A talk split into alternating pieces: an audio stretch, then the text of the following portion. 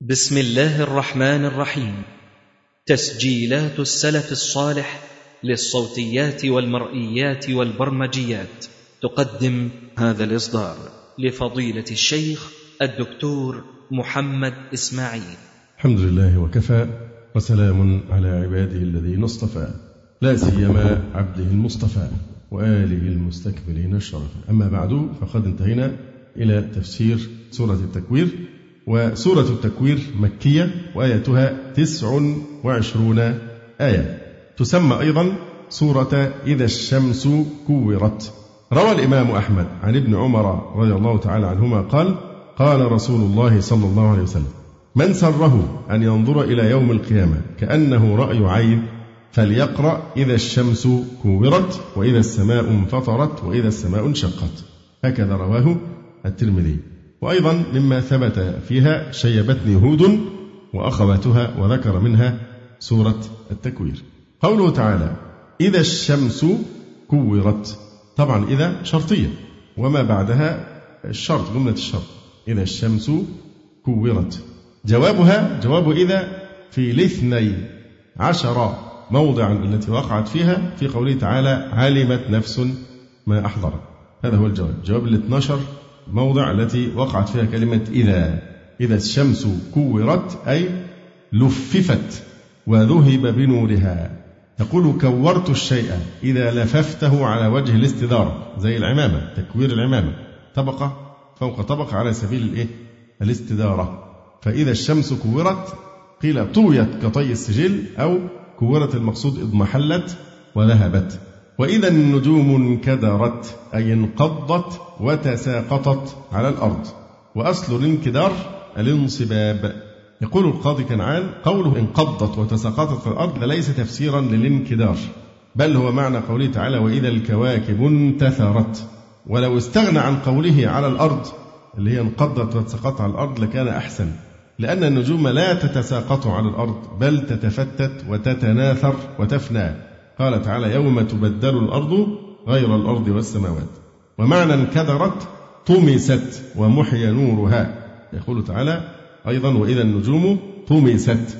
فإذا معنى انكدرت محي نورها وطمس. أما على الأرض دي ففيها يعني نظر كما بين. وإذا الجبال سيرت أي ذهب بها عن وجه الأرض فصارت هباء منثورا.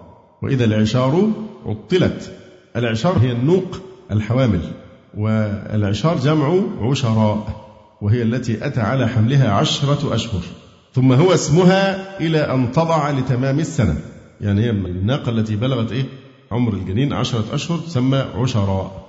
لكن حتى بعد كده في الحادي عشر والثاني عشر بيبقى اسمها برضو إيه؟ عشراء حتى تضع لتمام السنة. وهي أنفس ما يكون عند أهلها. وإذا العشار عطلت أي تركت بلا راع أو بلا حلب. لما دهاهم من الأمر ولم يكن مال أعجب إليهم منها. وإذا العشار عطلت. وبعض المعاصرين ذكر أن هذه الآية فيها إشارة إلى ما استحدث من وسائل المواصلات. كما في الحديث في الإخبار عن أشراط الساعة في عصر المسيح عليه السلام والمسيح الدجال ولا تتركن القلاص فلا يسعى عليها. تهجر الجمال لأن الناس يستبدلون ذلك بوسائل مواصلات إيه أخرى ويخلق ما لا تعلمون. وإذا العشار عطلت.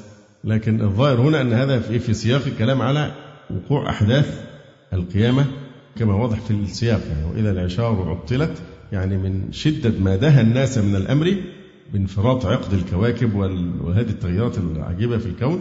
فمن ذلك أنهم مع أنهم أحب الأموال وأنفسها إليهم النوق العشار لكنهم في شغل شاغل عنها لا يلتفتون إليها وتترك بلا راع وبلا حلب لما دهاهم من الأمر.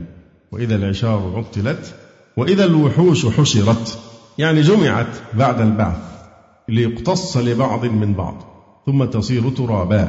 ويقول الكافر يا ليتني كنت ترابا. يقول ذلك حينما يرى الحيوانات والوحوش والبهائم بعد ما يقتص بينها يقال لها كوني ترابا. وأيضا بعض المعاصرين وهو أبو الفيض الغماري له كلام هنا في مثل هذا وإذا الوحوش حشرت يعني هو يدعي أن هذه إشارة إلى ما يسمى بحدائق الحيوانات. إن من علامات الساعة أنه ستحشر الحيوانات في مثل هذه الحدائق لأجل أن يتفرج الناس عليها. لكن السياق كما ذكرنا كله في إيه؟ في القيامة الكبرى.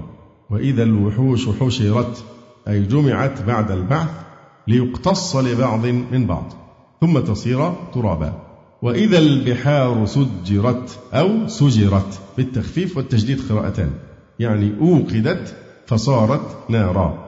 وهناك اختلاف في المعنى المقصود من سجرت فهي من سجر التنور إذا ملأه وقودا وأحماه. وسجر الماء النهر أي ملأه. وسجر البحر فاض. في أقوال عدة في كلمة سجرت هنا. بعضهم قال سجرت أي ملئت من الماء. فيفيض بعضها إلى بعض فتصير شيئا واحدا. أو سجرت أي صارت بحرا واحدا أو أرسل عذبها على مالحها حتى امتلأت أو يبست فلا يبقى من مائها قطرة أو أوقدت فصارت نارا. وقيل هي حمرة مائها حتى تصير كأنها الدم. وإذا البحار سجرت صارت نارا. وهذا لا يستبعد يعني تفسير أنها تصير نارا الماء يصير نارا نعم. لأن في طبقات الجيولوجيا يعني تحت الطبقات الأولى في الأرض يوجد إيه؟ هذه الحمم ممكن ماء يخرج منها هذا. أنا ما كنت أتخيل هذا الوضع أن البحر يسجر بمعنى يصير نارا حتى كان وقعت حادثة آه، سيول تقريبا في الصعيد في الصعيد زمان حصلت حادثة سيول جامدة جدا وتقريبا كان في أماكن فيها بترول. فالماء حمل فوق طبعا لأن البترول كثافته أخف فبيطفو فوق. فبقت المية هي اللي تشيل النار بقت مشتعلة والمية بتحمل النار. وتدخل بها للأماكن وأحرقت آه، أشياء كثيرة يعني. كانت حادثة مشهورة. فساعتها الواحد تخيل أن زي الماء ممكن تكون هي نفسها نارا حملت فوق آه، سطحها هذه النار وأخذت تلتهم الأشياء والناس يعني. وإذا البحار سجرت أو سجرت أي أوقدت فصارت نارا. وإذا النفوس زوجت أي قرنت بأجسادها. يعني ردت الأرواح إلى الأجساد. كل روح عادت إلى جسدها.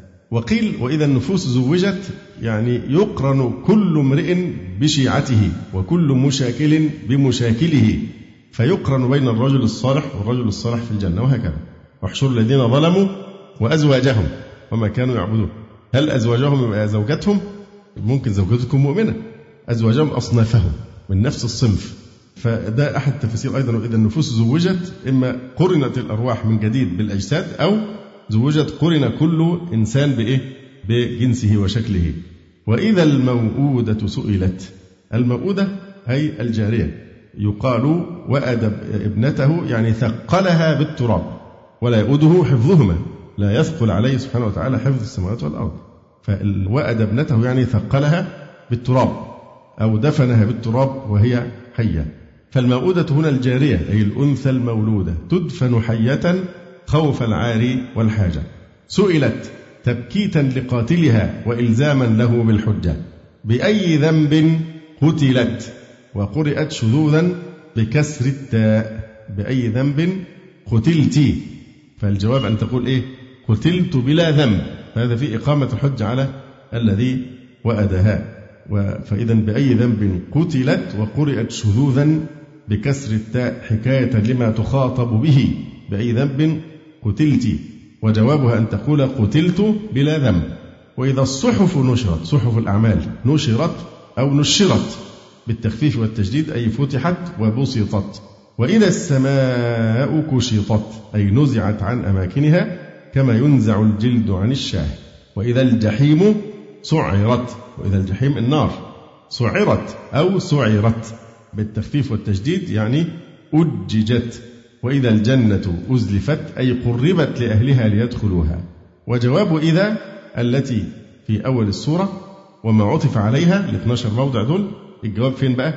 علمت نفس ما أحضرت. أي كل نفس وقت هذه المذكورات وهو يوم القيامة علمت نفس ما أحضرت. طبعا ده يؤكد أن الذين حملوا بعض هذه الشروط على أحوال الدنيا زي مثلا إذا الوحوش حشرت أو نحو ذلك ده يبقى إيه؟ لأن الشرط هنا إيه جوابه. علمت نفس ما أحضرت وهذا لا يكون إلا يوم القيامة. أو إذا العشار عطلت أيضا هذا يكون يوم القيامة. علمت نفس. التنكير هنا يفيد العموم. عشان كده في التفسير قال إيه؟ علمت نفس قال إيه؟ علمت كل نفس في التفسير ودي دقة شديدة من المحلية قال علمت نفس قال علمت كل نفس. مع أن النكرة هنا ليست في سياق إيه؟ النفي حتى تفيد العموم. لكن المقام المقام هنا السياق آه، يناسبه أن يقال إن التنكير هنا يفيد العموم حتى لو لم تكن النكرة في سياق النفي. لأن العموم في سياق النفي أكثري لا كلي. أو تفيد العموم لأنها هنا في سياق إيه؟ الشرط. إذا فتفيد العموم أيضا. علمت نفس ما أحضرت من خير وشر.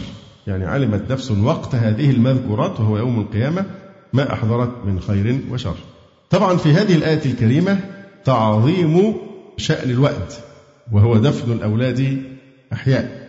وقد سئل النبي صلى الله عليه وسلم عن العزل فقال الوأد الخفي. والسياق الآية كما ذكرنا فيها تبكيت وإذا الموءودة سئلت بأي ذنب قتلت. فالتبكيت بأن المجني عليه إذا سئل بمحضر الجاني ونسبت له الجناية دون الجاني. بعث ذلك الجانية على التفكر في حاله وحال المجني عليه فيرى براءة ساحته وأنه هو المستحق للعقاب والعذاب.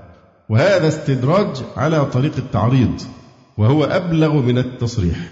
والمراد بالاستدراج سلوك طريق توصل إلى المطلوب بسؤال غير المذنب ونسبة الذنب له حتى يبين من صدر عنه ذلك. كما سئل عيسى دون الكفرة وهو فن من البديع بديع. أنت قلت للناس اتخذوني وأم إلهين من دون الله؟ مش المقصود المسيح نفسه المقصود إيه هؤلاء الكفر الذين عبدوه من دون الله. فهذا من فن البديع. وهناك أثار يعني أحاديث كثيرة في موضوع الوأد وكانت العرب تتفنن في الوأد. فمنهم من إذا صارت بنته سداسية يقول لأمها طيبيها وزينيها حتى أذهب بها إلى أحمائها وقد حفر لها بئرا في الصحراء فيبلغ بها البئر فيقول لها انظري فيها ثم يدفعها من خلفها ويهيل عليها التراب حتى تستوي البئر بالأرض. ومنهم من كان إذا قربت امرأته من الوضع حفر حفرة لتتمخض على رأس الحفرة فإذا ولدت بنتا رمت بها في الحفرة وإن ولدت ابنا حبسته.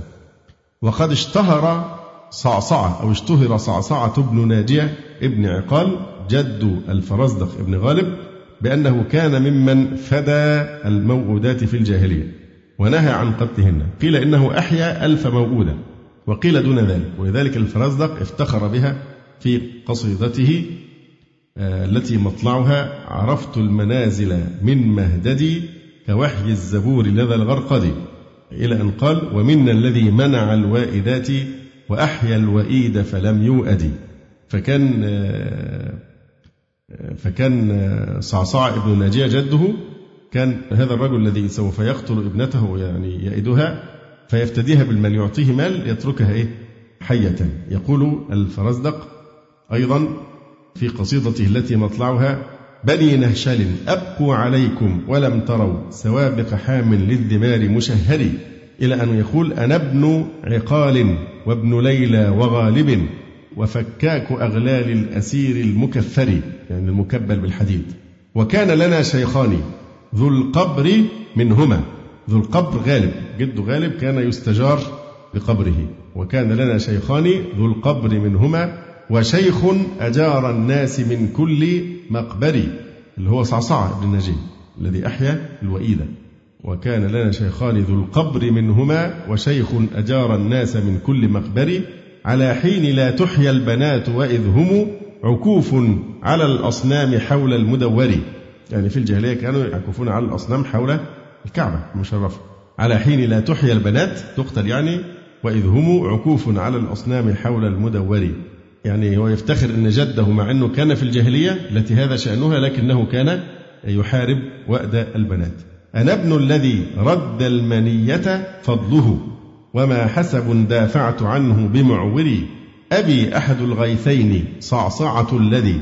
متى تخلف الجوزاء والنجم يمطر؟ أجار بنات الوائدين ومن يدر على القبر يعلم أنه غير مخفر. وفارق ليل من نساء أتت أبي. فارق ليل الفارق هي المرأة الماخض التي يعني أتاها المخاض آلام الحمل. فشبه المرأة بالفارق من الإبل وهي الناقة التي يضربها المخاض فتفارق الإبل وتمضي على وجهها حتى تضع. وذلك ده أصلا يطلق على الناقة فارق ليل. فالمقصود هنا إيه؟ امرأة أتاها المخاض أو ضربها المخاض. وفارق ليل من نساء أتت أبي تعالج ريحا ليلها غير مقمر فقالت أجر لي ما ولدت فإنني أتيتك من هزل الحمولة مقتري رأى الأرض منها راحة فرمى بها إلى خدد منها وفي شر محفري. فقال لها نامي فأنت بذمتي لبنتك جار من أبيها القنوري يعني السيء الخلق. فكانت النساء التي يضربها المخاط تهرب في الليل وتذهب إلى جد الفرزق ليجير ابنتها ويفتديها. وروى أبو عبيدة أن صعصعة هذا وفد على رسول الله صلى الله عليه وسلم في وفد بني تميم. قال وكان صعصعة منع الوأد في الجاهلية فلم يدع تميما تئد وهو يقدر على ذلك. فجاء الإسلام وقد فدى في بعض الروايات أربعمائة موؤودة وفي الأخرى ثلاثمائة. ويقال إنه اجتمع جرير والفرزدق يوما عند سليمان بن عبد الملك فافتخرا. فقال الفرزدق أنا ابن محيي الموتى. فقال له سليمان أنت ابن محيي الموتى؟ فقال إن جدي أحيا الموؤودة. وقد قال تعالى ومن أحياها؟ فكأنما أحيا الناس جميعا. وقد أحيا جدي اثنتين وتسعين موؤودة. فتبسم سليمان وقال إنك مع شعرك لفقيه. فانظر إلى هذه القسوة وغلظ القلب وقتل البنات البريئات بغير ذنب سوى خوف الفقر والعار. كيف استبدلت بالرحمة والرأفة بعد أن خالط الإسلام قلوب العرب؟ فما أعظم نعمة الإسلام على الإنسانية بأسرها بمحوه هذه العادة القبيحة؟ ورأينا الشعراء والأدباء بعد ذلك يعني يمتدحون ولادة البنات بعكس لأن كراهية البنات صفة من صفات الجاهلية. هذه من خصائص الجاهلية. من شأن أهل الجاهلية كراهية ولادة البنات. يقول معن بن أوس رأيت رجالا يكرهون بناتهم وفيهن لا نكذب نساء صوالح وفيهن والأيام يعثرن بالفتى خوادم لا يمللنه ونوائح. ويقول الآخر قالوا له ماذا رزقت؟ فأصاخ ثم تقال بنتا وأجل من ولد النساء أبو البنات فلم جزعت. إن الذين تود من بين الخلائق ما استطعت نالوا بفضل البنت ما كبتوا به الأعداء كتا وقال آخر فلو كان النساء كمن وجدنا لفضلت النساء على الرجال وما التأنيث لاسم الشمس عيب وما التذكير فخر للهلال. قوله تعالى فلا أقسم بالخنس الجوار الكنس. الفاء هنا استئنافية فلا أقسم ولا زائدة لتأكيد القسم. بالخنس من الخنس وهو الرجوع لأنها ترجع في مدارها وراءها. قيل الخنس الكواكب كلها لأنها تخنس في المغيب ولأنها تخفى نهارا أو الكواكب السيارة منها فقط أو بعضها فلا أقسم بالخنس الجوار الكنس. هي النجوم الخمسة زحل والمشترى والمريخ والزهرة وعطارد. تخنس أي ترجع في مجراها وراءها. فإنه بينما ترى النجم في آخر البرج إذ به كر راجعا إلى أوله. وتكنس تدخل في كناسها. كناس الظبي مخبأه بين الشجر أي تغيب في المواضع التي تغيب فيها. والليل إذا عسعس أي أقبل بظلامه أو أدبر. قال العجاج حتى إذا الصبح لها تنفسا وانجاب عنها ليلها وعسعسا. يعني أقبل بظلامه أو أدبر. والصبح إذا تنفس أي امتد حتى صير نهارا بينا. إنه أي القرآن لقول رسول كريم. اللام المزحلقة إنه لقول رسول كريم أي كريم على الله تعالى وهو جبريل عليه السلام. أضيف إليه لنزوله به. إنه لقول رسول كريم مقصود هنا جبريل. لأنه هو الذي نزل به على النبي صلى الله عليه وسلم. ذي قوة هذه صفة ثانية لرسول. الصفة الأولى كريم ذي قوة أي شديد القوى عند ذي العرش أي عند الله تعالى مكين أي ذي مكانة. يعني مكين عند ذي العرش مطاع ثم ثم ظرف بمعنى هناك. مطاع ثم أي تطيعه الملائكة في السماوات والأرض. أمين أي على الوحي. وما صاحبكم بمجنون؟ ما نوع ما؟ حجازية. وما صاحبكم؟ ما؟ حجازية نافية. وصاحبكم اسمها وبمجنون خبرها مجرور بالباء لكنه منصوب إيه؟ محلا لأنه خبر ما. وما صاحبكم أي محمد صلى الله عليه وسلم بمجنون كما زعمتم. ولقد رآه أي رأى محمد صلى الله عليه وآله وسلم جبريل عليه السلام على صورته التي خلق عليها بالأفق المبين أي البين وهو الأفق الأعلى بناحية المشرق. وما هو على الغيب بضنين ما نافية حجازية. وما هو أي محمد صلى الله عليه وسلم على الغيب يعني ما غاب من الوحي وخبر السماء بضنين آه، يعني ببخيل فينتقص شيئا من الوحي لكنه يخبركم به ولا يكتم شيئا مما أوحاه الله إليه. بضنين يعني إيه؟ بالضد يبقى بخيل لا يضن ولا يبخل بإبلاغكم بالوحي الذي أوحي إليه ولا يكتمه. بضنين قراءة أخرى بالضاء قراءة سبعية. وما هو على الغيب بظنين الظنة هي التهمة. فظنين يعني إيه؟ متهم. ما هو بمتهم صلى الله عليه وسلم. وما هو أي القرآن بقول شيطان رجيم فهذا نفي لقولهم في القرآن الكريم كهانة وسحر. بقول شيطان أي مسترق السمع رجيم أي مرجوم. فأين تذهبون؟ يعني فأي طريق تسلكون في إنكاركم القرآن وإعراضكم عنه؟ إن هو ما هو؟ إلا ذكر إلا الحصر. إلا ذكر أي عظة للعالمين أي للإنس والجن. لمن شاء منكم؟ طبعا لمن شاء منكم دي بدل إيه من العالمين بإعادة الجوار. أن يستقيم باتباع الحق. وما تشاءون أي الاستقامة على الحق إلا أن يشاء الله رب العالمين أي إلا أن يشاء رب الخلائق استقامتكم عليه. هنا أهل التفسير اختلفوا في من المراد هنا بالرسول. إنه لقول رسول كريم. فذهب الجم الغفير إلى أن المراد بالرسول هنا إلى آخر النعوت هو محمد صلى الله عليه وسلم. وذهب أيضا جمع من المفسرين إلى أنه جبريل عليه السلام. وهنا نشأت مسألة المفاضلة بين الرسل وبين الملائكة. المشهور عن أبي الحسن الأشعري تفضيل الرسل ومذهب المعتزلة تفضيل الملائكة. إلا أن المختلفين أجمعوا على أنه لا يسوغ تفضيل أحد القبيلين الجليلين بما يتضمن تنقيص معين من الملائكة ومعين من الرسل لأن التفضيل وإن كان ثابتا إلا أن في التعيين إيذاء للمفضول وعليه حمل الحذاق قوله صلى الله عليه وسلم لا تفضلوني على يونس بن متى أي لا تعينوا مفضولا على التخصيص لأن التفضيل على التعميم ثابت بإجماع المسلمين. أي تفضيل النبي صلى الله عليه وسلم على جميع النبيين أجمعين. ابن فارس ضرب مثالا لهذا فيقول لو قلت بحضرة جماعة من الفقهاء فلان أفضل أهل عصره.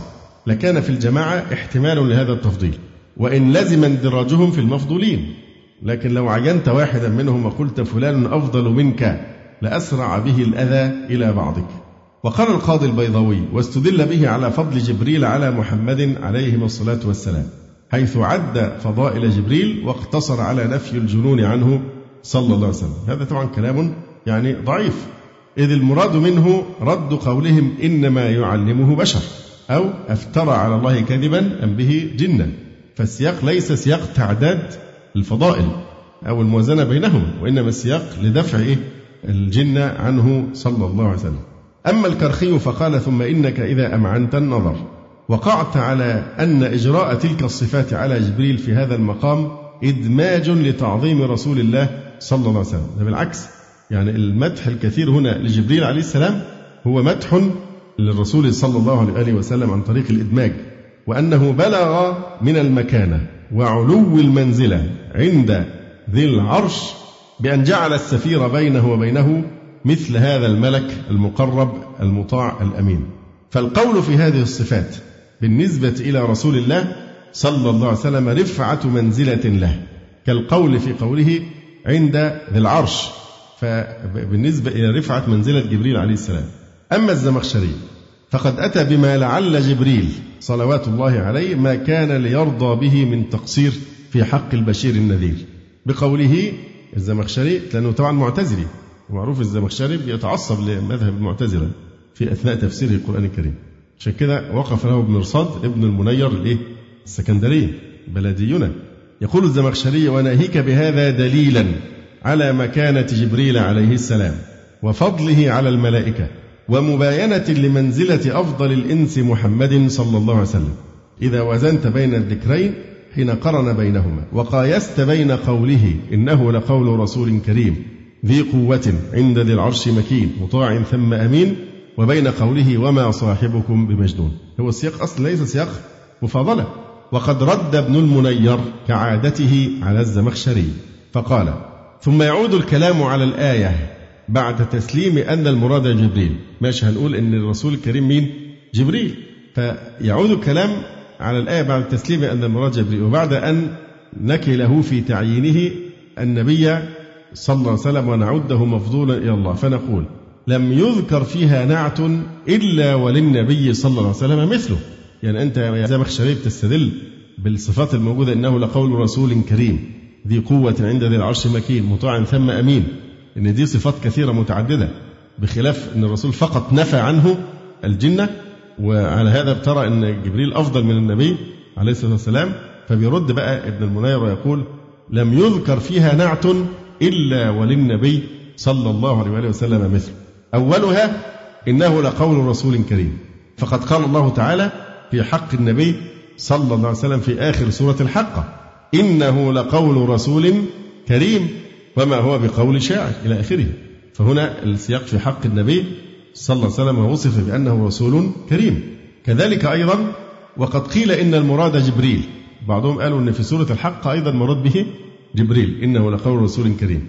لكنه يأباه قوله تعالى وما هو بقول شاعر لأن جبريل مش هيتقال عليه وما هو بقول شاعر. وقد وافق الزمخشري على ذلك فيما تقدم فهذا أول الفوت وأعظمها. وأما قوله ذي قوة فليس محل الخلاف إذ لا نزاع في أن لجبريل عليه السلام فضل القوة الجسمية. ومن يقتلع المدائن بريشة من جناحه لا مراء في فضل قوته على قوة البشر. وقد قيل هذا في تفسير قوله تعالى ذو مرة فاستوى وقوله ذي قوة عند ذي العرش مكين مطاع ثم أمين. قوله مطاع ثم أمين فقد ثبتت طاعة الملائكة أيضا لنبينا صلى الله عليه وسلم. وورد أن جبريل عليه السلام قال للنبي صلى الله عليه وسلم إن الله يقرئك السلام وقد أمر ملك الجبال أن يطيعك. عندما أذته قريش فسلم عليه الملك وقال إن أمرتني أن أطبق عليهم الأخشبين فعلت. فصبر النبي صلى الله عليه وسلم واحتسب. وأعظم ذلك وأشرف مقامه المحمود في الشفاعة الكبرى يوم لا يتقدمه أحد. إذ يقول الله تعالى له ارفع رأسك وقل يسمع لك وسل تعطى واشفع تشفع. أما أمين مطاع ثم أمين فقد قال والله إني لأمين من في الأرض أمين من في السماء. وحسبك قوله تعالى وما هو على الغيب بضنين بضنين. إن قرأته بالضاء بضنين فمعناه أنه أمين على الغيب غير متهم. وإن قرأته بالضاد رجع إلى الكرم أنه لا يبخل بإبلاغ الوحي. فكيف يذهب إلى التفضيل بالنعوت المشتركة بين الفاضل والمفضول سواء؟ يعني أنت بتفضل بنعوت مشتركة؟ كل وصف مدح به جبريل وضح به رسولنا صلى الله عليه وسلم. بالمرة بقى لأن البحث ده قد لا تأتي فرصة نتكلم فيه بالتفصيل نختم ببحث من كتاب مباحث المفاضلة في العقيدة للدكتور محمد ابن عبد الرحمن أبو سيف الشظيفي. بيتعرض لهذه المسألة فيقول مبحث التفاضل بين الملائكة والبشر. هذه مسألة كثر الكلام فيها في كتب المتأخرين من أهل العلم أخذا وردا وطال طولا أخرجها عن فائدتها وحدها. وخلاصة ما قيل فيها إن الناس فيها على مذاهب ثلاثة. الأول تفضيل الملائكة على البشر مطلقا. وإليه ذهبت المعتزلة وبعض الأشعرية وابن حزم ومال إليه بعض أهل السنة وبعض الصوفية. واستدلوا بأدلة من كتاب الله وسنة رسوله صلى الله عليه وسلم لها وجهها في الدلالة على قولهم. كقوله سبحانه في بني آدم وفضلناهم على كثير ممن خلقنا تفضيلا فقال على كثير ولم يقل على كل ومن عساه أن يكون الخارج من هذا الكثير إلا الملائكة. واستدلوا بقوله سبحانه لن يستنكف المسيح أن يكون عبدا لله ولا الملائكة المقربون. ومثل هذا دال اللغة على أن المعطوف أفضل من المعطوف عليه. وبقوله سبحانه قل لا أقول لكم عندي خزائن الله ولا أعلم الغيب ولا أقول لكم إني ملك والمعنى عندهم أني لا أدعي فوق منزلتي وبقوله صلى الله عليه وسلم يقول الله تعالى أنا عند ظن عبدي بي وأنا معه إذا ذكرني فإن ذكرني في نفسه ذكرته في نفسي وإن ذكرني في ملأ ذكرته في ملأ خير منه والحديث متفق عليه وهو نص في الأفضلية في ملأ خير منه وهو نص في الأفضلية وهي أدلة على ما ترى من الدلالة إلا أن المخالفين ردوا على الاستدلال بها ورد هؤلاء على ردودهم المذهب الثاني تفضيل الأنبياء وصالح البشر على الملائكة وهو مذهب جمهور أهل السنة والجماعة وكذا جمهور أصحاب الأشعري واستدلوا بأدلة ظاهرة الدلالة على قولهم كقوله سبحانه وإذ قلنا للملائكة اسجدوا لآدم والفاضل لا يسجد للمفضول. يبقى أكيد آدم كان أفضل من الملائكة. وقوله سبحانه ولقد اخترناهم على علم على العالمين فكلمة العالمين تشمل عالم الملائكة أيضا. وقوله عز وجل إن الله اصطفى آدم ونوحا وآل إبراهيم وآل عمران على العالمين. هذه في الأنبياء. أما في صالح البشر فكقوله سبحانه إن الذين آمنوا وعملوا الصالحات أولئك هم خير البرية خير البرية الخليقة. وهي أدلة في القوة على ما ترى إلا أن المخالفين ردوا على الاستدلال بها وعلى الرد رد. ورأى قوم أن الأدلة متكافئة فكان قول ثالث وهو التوقف والسكوت عن التفضيل. وإن إن ذهبنا نتتبع الأدلة والردود ورد الردود لخرج بنا الموضوع عن حده وطال طولا لا نستطيع الوقوف عند حد له. وهي مسألة كما ذكرت كثر فيها الاختلاف وتشعبت فيها الاستدلالات وتشابكت وعظم فيها الجدال حتى خرج بها بعضهم مخرج المنافرة والمفاخرة. فأخذ يقول منا الأنبياء ومنا الأولياء كأنه بيعمل مفاخرة بقى منا الأنبياء ومنا الأولياء. فرد عليه بأن للملائكة أن تقول أليس منكم فرعون وهامان؟ أليس منكم من ادعى الربوبية؟ وأساء بعضهم الأدب فقال كان الملك خادما للنبي صلى الله عليه وآله وسلم أو أن بعض الملائكة خدموا بني آدم. وهذه المسألة قال فيها شيخ الإسلام ابن تيمية رحمه الله تعالى. المسألة على هذا الوجه لست أعلم فيها مقالة سابقة مفسرة وربما ناظر بعض الناس على تفضيل الملك وبعضهم على تفضيل البشر وربما اشتبهت هذه المسألة بمسألة التفضيل بين الصالح وغيره. وقال ابن كثير أكثر ما توجد هذه المسألة في كتب المتكلمين والخلاف فيها مع المعتزلة ومن وافقهم. قال أقدم كلام رأيته في هذه المسألة ما ذكره الحافظ ابن عساكر في تاريخه في ترجمة أمية بن سعيد بن العاص أنه حضر مجلسا لعمر بن عبد العزيز وعنده جماعة. فقال عمر ما أحد أكرم على الله من كريم بني آدم يعني من الصالح من بني آدم. وذكر بقية الواقعة وفيها معارضة أحدهم بتفضيل الملائكة واستدلال كل. ولقد نزع جماعة من أهل العلم إلى أن هذه من فضول المسائل. قال البيهقي في التفاضل بين الملائكة والبشر والأمر فيه سهل وليس فيه من الفائدة إلا معرفة الشيء على ما هو به. وقال شارح الطحاوي وكنت ترددت في الكلام على هذه المسألة لقلة ثمرتها. وأنها قريب مما لا يعني ومن حسن إسلام المرء تركه ما لا يعنيه وقال وحاصل الكلام أن هذه المسألة من فضول المسائل ولهذا لم يتعرض لها كثير من أهل الأصول. ونقل عن تاج الدين الفزاري من كتاب له في تفضيل البشر على الملك ما نصه. اعلم أن هذه المسألة من بدع الكلام التي لم يتكلم فيها الصدر الأول من الأمة ولا من بعدهم من أعلام الأئمة. ولا يتوقف عليها أصل من أصول العقائد ولا يتعلق بها من الأمور الدينية كبير من المقاصد. ولهذا خلى عنها طائفة من مصنفات هذا الشأن وامتنع عن الكلام فيها جماعة من الأعيان وكل متكلم فيها من علماء الظاهر بعلمه لم يخل كلامه من ضعف واضطراب. ولم تكن المسألة عند السلف موضع نظر وأخذ ورد ولم تكن لهم بها عناية فائقة بحيث ينصبونها موضوعا للنظر والاستدلال ولم يقع بينهم فيها كلام وخلاف. وقد رويت عن الصحابة أحاديث موقوفة ومرفوعة. فيها ذكر لهذه المسألة في بعضها تفضيل المؤمن على الملائكة وبعضها تفضيل المؤمن على بعض الملائكة وبعضها تفضيل بني آدم على الملائكة ولكنها أحاديث إما ضعيفة أو موضوعة. مثل حديث المؤمن أكرم على الله عز وجل من بعض الملائكة. وحديث إن الملائكة قالت يا ربنا أعطيت بني آدم الدنيا يأكلون فيها ويشربون ويلبسون ونحن نسبح بحمدك ولا نأكل ولا نلهو فكما جعلت لهم الدنيا فاجعل لنا الآخرة. فقال لا أجعل صالح ذرية من خلقت بيدي كمن قلت له كن فكان.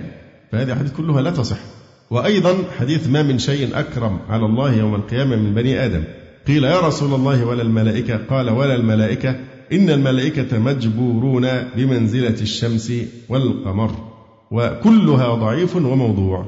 يقول شيخ الإسلام بعد أن ذكر بعض هذه الأحاديث وأقل ما في هذه الآثار أن السلف الأولين كانوا يتناقلون بينهم أن صالح البشر أفضل من الملائكة من غير نكير منهم لذلك ولم يخالف أحد منهم في ذلك. إنما ظهر الخلاف بعد تشتت الأهواء بأهلها وتفرق الآراء. فقد كان ذلك المستقر عندهم. إن إيه؟ صالح البشر أفضل من الملائكة.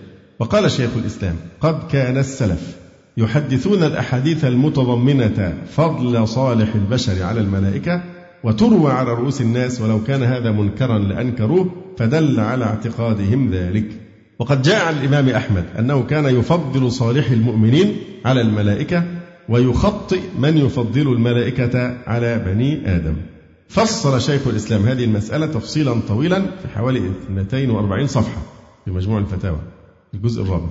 قرر فيه مذهب أهل السنة تفضيل صالح البشر على الملائكة. ونقل عنه ابن القيم أنه سئل عن صالح بني آدم والملائكة. أيهما أفضل؟ فأجاب بأن صالح البشر أفضل باعتبار كمال النهاية. والملائكة أفضل باعتبار البداية. فإن الملائكة الآن في الرفيق الأعلى منزهين عما يلابسه بنو آدم مستغرقون في عبادة الرب.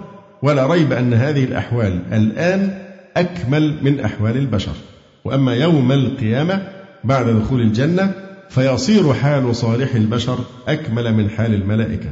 وبهذا التفصيل يتبين سر التفضيل وتتفق أدلة الفريقين ويصالح كل منهم على حقه.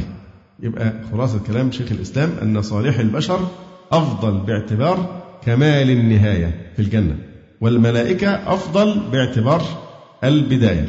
وإنا إذا اعتقدنا ما تقرر من أن مقياس التفاضل في الشرع العبودية وأن الأفضل هو الأكمل عبودية لله. ظهر أن الأنبياء وصالح البشر أفضل من الملائكة. لأنهم أكمل عبودية لله منهم.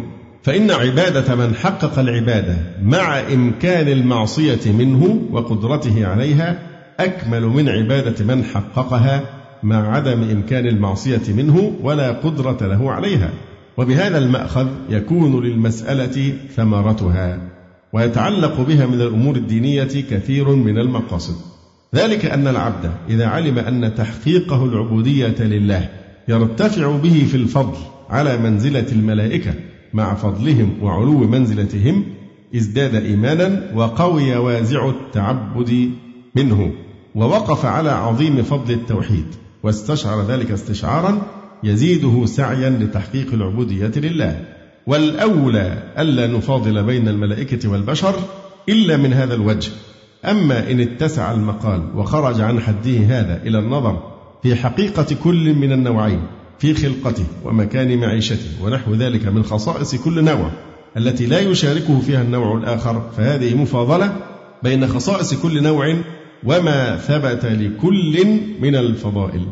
ولقد تقدم مرارا أن ثبوت فضيلة وخصيصة لشيء لا تستلزم تفضيله مطلقا. وغاية ما نستطيع أن نقوله إن هذه الخصيصة أفضل من تلك. من غير أن يستلزم ذلك أن يكون من ثبتت له الخصيصة الفاضلة أفضل من الآخر والله تعالى أعلم. أيضا ثبوت التفاضل بين الملائكة والبشر دليل ثبوت التفاضل بين المؤمنين في الإيمان وفيه رد على المرجئة أن فينا ذلك. نكتفي بهذا القدر أقول قولي هذا. وأستغفر الله لي ولكم. سبحانك اللهم ربنا وبحمدك. أشهد أن لا إله إلا أنت أستغفرك وأتوب إليك. جزى الله فضيلة الشيخ خير الجزاء. ونسأل الله جل وعلا أن يرفع مكانة الشيخ في المهديين وأن يجعله علما من أعلام الهدى والدين. ولا تنسونا وتنسوا الشيخ من دعوة صادقة بظهر الغيب. وتقبلوا تحيات إخوانكم في تسجيلات السلف الصالح بالإسكندرية. هاتف رقم صفر ثلاثة فاصل أربعة تسعة أربعة سبعة ستة خمسة اثنان. والتليفون محمول صفر عشرة واحد ستة أربعة واحد تسعة ثمانية صفر. والسلام عليكم ورحمة الله وبركاته.